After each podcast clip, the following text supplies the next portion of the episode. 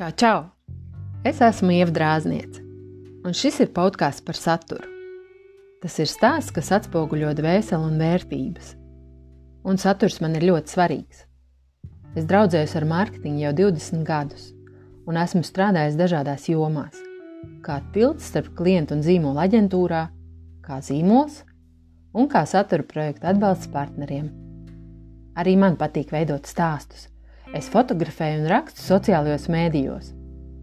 Un šobrīd, kad digitālā pasaule ņem virsroku un aiznes stāstu var tik ātri un plaši, tieši tu vari ļaut sirsniņām ietrīsēties par tavu zīmolu. Šis ir ieraksts 001, un es iedomājos to veidot par satura kanālu izvēli tavam zīmolam. Kā rīkoties, lai izlemtu, kurš kanāls ir atbilstošs un nepieciešams? Es bieži saskaros ar šādu situāciju, kad ir jautājums no zīmola, vai man vajag kanālu X.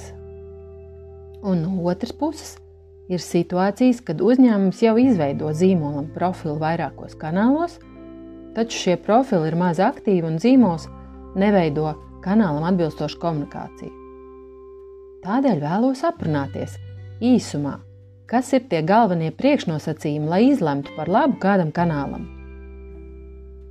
Pirmkārt, tas ir jautājums zīmolam pašam. Formulēt, kas ir tavs produkts vai pakalpojums.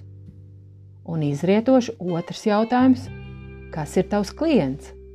Kādam klientam tavs produkts uzlabo dzīvi, atrisina problēmas, sakārto lietas, atnes rezultātus? Kas ir tavs klients? Un tie visbiežāk nav viena persona, tās ir dažādu klientu grupas. Angļu valodā šīs klientu grupas sauc par brand persona. Un treškārt, domājot par dažādiem klientiem, arī aktualizējas jautājums par kanālu, kuru izmanto katra šī klientu grupa. Iespējams, ir primārā klientu grupa un ir sekundārās. Tad klientu kanālu izvēli var sākt veidot, izējot no pamatgrupas, un, ja resursi atļauj, paplašināt to kanālu skaitu, kurās apgrozās citas klientu grupas. Taču jāņem vērā, ka katrs kanāls pieprasa savādāku satura formātu, un te mēs nonākam pie ceturtā punkta - resursi, lai šo saturu veidotu. Respektīvi, jo plašāku kanālu skaitu ir vēlēšanās apgūt, jo vairāk resursu ir jāatvēl kanāla uzturēšanai un satura stratēģijai, plānošanai, satura izveidei, klientu servisam, analītikai un, protams, reklāmai.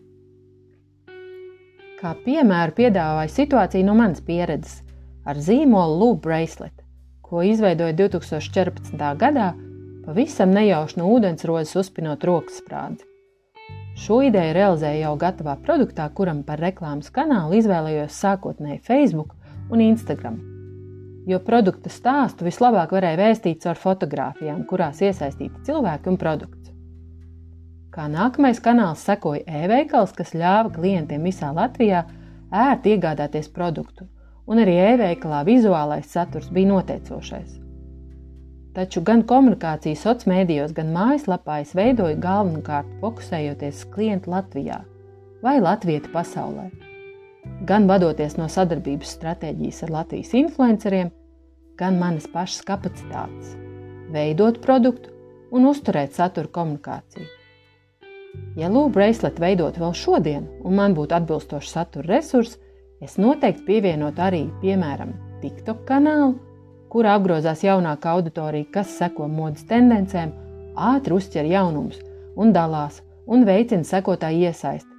Taču tādā gadījumā es arī noteikti paplašinātu produktu kolekcijas krāsu gāmu, jo ņemot vērā e-komercijas iespējas, TikTok kanāla lietotāju un potenciālo klientu geogrāfiskā lokācija nav ierobežojums.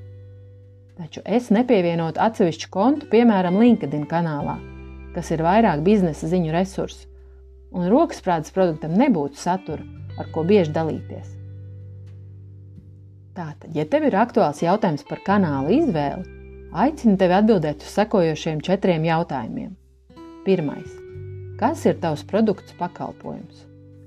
Otrais. Kas ir tavs klients? Tavas klientu grupas. Trešais kanāli, kurus izmanto tavas klientu grupas. Un ceturtais - tavi resursi satura uzturēšanai kanālos. Ja tev radās jautājumi par kanālu izvēli, vai brand persona, vai satura izveidi, vai citi, priecāšos uzzināt no tevis. Raksta man Instagram, Facebook vai LinkedIn. Un paldies! Līdz nākamajai reizei!